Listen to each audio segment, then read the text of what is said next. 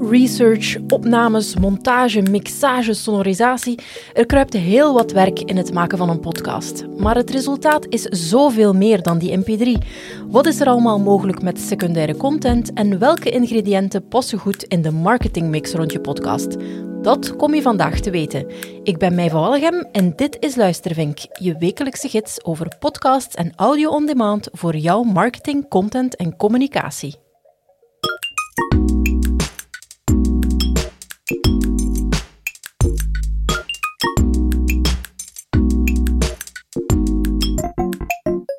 En ik sta vandaag hier weer in de studio met mijn collega Lennart Schoors. Hallo. Ja, al jaren werken we beide aan projecten waar we een boodschap moeten communiceren. En of het nu gaat over een website, een brochure of een sociale mediacampagne, telkens merken we dat het belangrijk is om aan klanten te herinneren dat er geen enkele communicatieinspanning in een vacuüm bestaat. Ja, klopt. Ook bij podcast is dat zo. Hè. Uiteindelijk wil je een doel bereiken. Je wil een interactie met een bepaald publiek. En inherent aan podcast zijn er een aantal tools die je daarvoor kan inzetten. Ja, ja voordat we naar die tools expliciet gaan, laten we ons misschien een voorbeeld bijhalen. Uh, een van onze eigen producties, Tomorrow People. Twee seizoenen met in totaal twaalf afleveringen, waarbij we op zoek gaan naar mensen die werken aan een betere, duurzame toekomst. Ja, en als je je podcast opendoet, uh, ja, je moet zelf eens kijken. Hè. Het eerste wat je aandacht trekt, en wat er vooral je aandacht trekt, is die cover. En of de artwork, de illustratie, hoe je het ook wil noemen. Uh, het is het enige wat je kan tonen op die plek. Hè. Het is de eerste indruk. Het, het, geeft de smoel aan je podcast. Het zorgt voor die eigenheid. Ja, ja die eigenheid is ook wel heel belangrijk. Hè? Net als we het vorige week hadden over die trailers. Het is eigenlijk een beetje te vergelijken met de, de achterflap van een boek. Hè? Wat informatie, de synopsis. Wel, net zoals dat boek heeft ook een podcast een cover als je in de bibliotheek of in de boekenwinkel rondloopt, dan is die cover toch nog altijd heel belangrijk om een boek vast te nemen. Zo werkt dat ook bij podcasts. En daarna kan het natuurlijk ook een herkenningspunt zijn, een referentie. Denk maar als je door je muziekcollectie scrolt en alle covers van de albums ziet. Ja, vroeger deden we dat in eh, de bakken met vinyl. Tegenwoordig is dat inderdaad op ons scherm ook. Uh, in het geval van Tomorrow People was die cover, ja, daar zijn we iets verder in gegaan. Hè. Als je gaat naar onze website tomorrowpeople.today, daar zie je een cover per aflevering. Elke aflevering ging over een uh, heel ander thema en dus hebben we er ook telkens een, ja, een custom illustratie bij gemaakt. Dat hoeft zeker niet, hè. het is extra werk natuurlijk, maar het is ook wel een extra troef. Hè. Op, telkens opnieuw heb je dat, uh, dat grafisch element dat je kan gaan uitspelen in je social media enzovoort. Ja. Ja, ook voor Luistervink doen we dat. Hè. Elke aflevering heeft zijn uh, eigen cover. En terwijl die cover het gezicht is van je podcast, kan je de ervaring van je luisteraar ook gaan verrijken door show notes te gebruiken. Weet je nog, toen we die cd's kochten of die vinyl, uh, vaak zat er dan een boekje bij met teksten, achtergrondinformatie van de productie, eventueel foto's, zeker de credits. Wel, podcasts hebben ook zoiets, de show notes. En die kan je rechtstreeks in je podcast-app zien. Ze zijn gemaakt voor de luisteraar die op zoek is naar wat meer, er dieper wil induiken of bijvoorbeeld de links van je aflevering wil gaan opzoeken. We zijn 2020 en podcasts zijn een digitaal medium, maar die mogelijkheden van die show notes zijn toch niet onbeperkt. Je kan er bijvoorbeeld wel foto's in steken, maar die worden vaak nog niet ondersteund door de podcast-apps. Maar die links zijn zeer belangrijk daarin. Ja, en je zegt het, hè, eh, als je veel meer wil doen dan, dan tekst en links, ja, dan, dan loop je vaak een beetje tegen een muur. In ons voorbeeld van Tomorrow People, daar wilden we eigenlijk veel meer. We wilden korte portretten van onze gasten, we wilden die links, maar we wilden er ook foto's in steken, uh, posts van Twitter en Instagram, uh, de credits natuurlijk, een volledig transcript. En dan, dan ja, loop je een beetje tegen de mogelijkheden van die show notes. We wilden ook de controle over die layout. Die layout. En daarom hebben we de, bij Tomorrow People de keuze genomen om die show notes redelijk beperkt te houden. En om volledige artikels met alles erop en eraan op de site te plaatsen. Die dan veel rijker konden zijn. Absoluut. Wat we wel in de show notes hebben gestoken zijn dan de sociale mediakanalen, dus links er naartoe, uh, contactinformatie, een link naar ratings en reviews, zo'n dingen. Ja, want die, die links zijn wel zeer belangrijk en ook eventuele kernwoorden en zo. Want waar je rekening mee moet houden is natuurlijk enkel wat je vermeld kan worden gevonden. Op vlak van SEO is dat belangrijk als mensen gaan zoeken naar je podcast. Dus wat je niet vermeldt in je show notes is ook niet doorzoekbaar in die podcast-apps.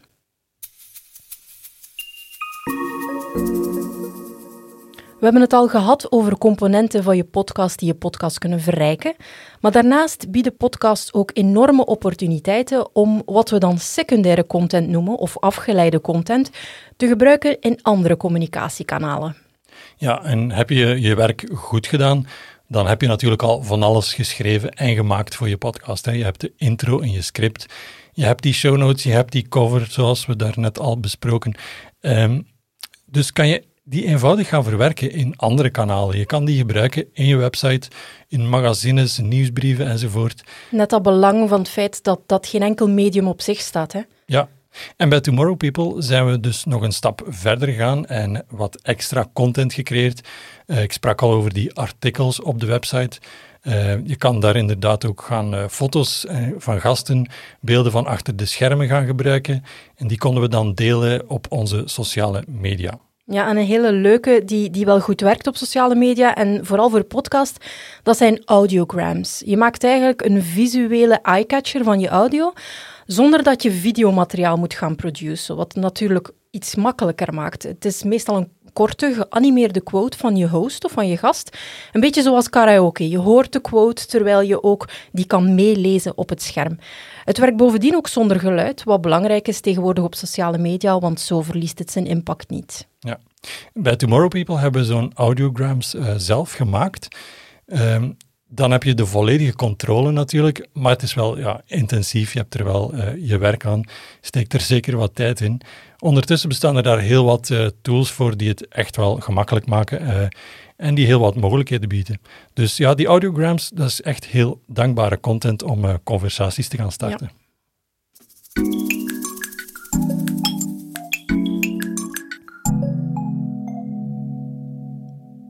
Ja, en af en toe horen we wilde ideeën van marketeers of startups die met het nieuwste uitkomen, namens tijdens het podcast luisteren, op een gepast moment links en foto's toevoegen, extra informatie tonen. Maar eigenlijk is dat het warm water heruitvinden, want dat kan in feite al allemaal, hè Lennart? Volledig. En dat uh, is met chapters, of hoofdstukken als je het uh, in Nederlands wil benoemen. Dus je gaat eigenlijk echt hoofdstukken gaan aanduiden in je podcast. En elk hoofdstuk die kan dan een titel hebben, een link, een afbeelding. Uh, dat is eigenlijk een behoorlijk onbekend en ondergewaardeerd aspect van uh, podcast. Uh, maar dat komt vooral omdat de ondersteuning zeer ondermaats is. Wat een beetje absurd is, gezien de vraag. Hè. Je, je, ziet dat er inderdaad wel vraag naar is. Maar ja, je kan het eigenlijk een beetje als een, een kip of het ei probleem beschouwen. Ja, als er geen ondersteuning is, gaan mensen het niet gebruiken en omgekeerd. Ja, het is natuurlijk nog een jong medium, dus er evolueert constant nog van alles. Klopt.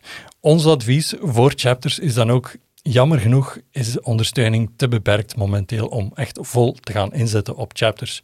Bij Tomorrow People hebben we het ook niet gedaan voor sommige podcasts kan het echt wel een toegevoegde waarde bieden. En ik denk dan vooral aan een, een langere babbelshow bijvoorbeeld met verschillende onderwerpen, zodanig dat je die kan duidelijk markeren, zodanig dat mensen kunnen skippen naar een bepaald onderwerp dat ze wel willen horen.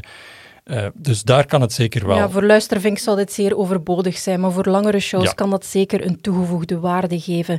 Het is ondertussen wel al duidelijk hè, dat een podcast veel meer is dan een mp3 en het verdient absoluut een plaats in die mix, niet in het vacuüm, maar echt in die mix van je communicatiekanalen. Je kan een podcast gaan ondersteunen met zaken zoals show notes, chapters of artwork en je podcast zelf kan ook een heel gamma aan content voortbrengen. Daarnaast zijn er nog veel mogelijkheden, nog veel meer mogelijkheden. Je kunt communities gaan bouwen rond je podcast, opnames filmen, als talkshow op YouTube zwieren. Maar al die dingen zijn misschien voor een andere keer. Want wij zijn er volgende week alweer terug. Ondertussen vind je alle info over deze podcast met links, show notes en artwork op luistervink.link. Tot later!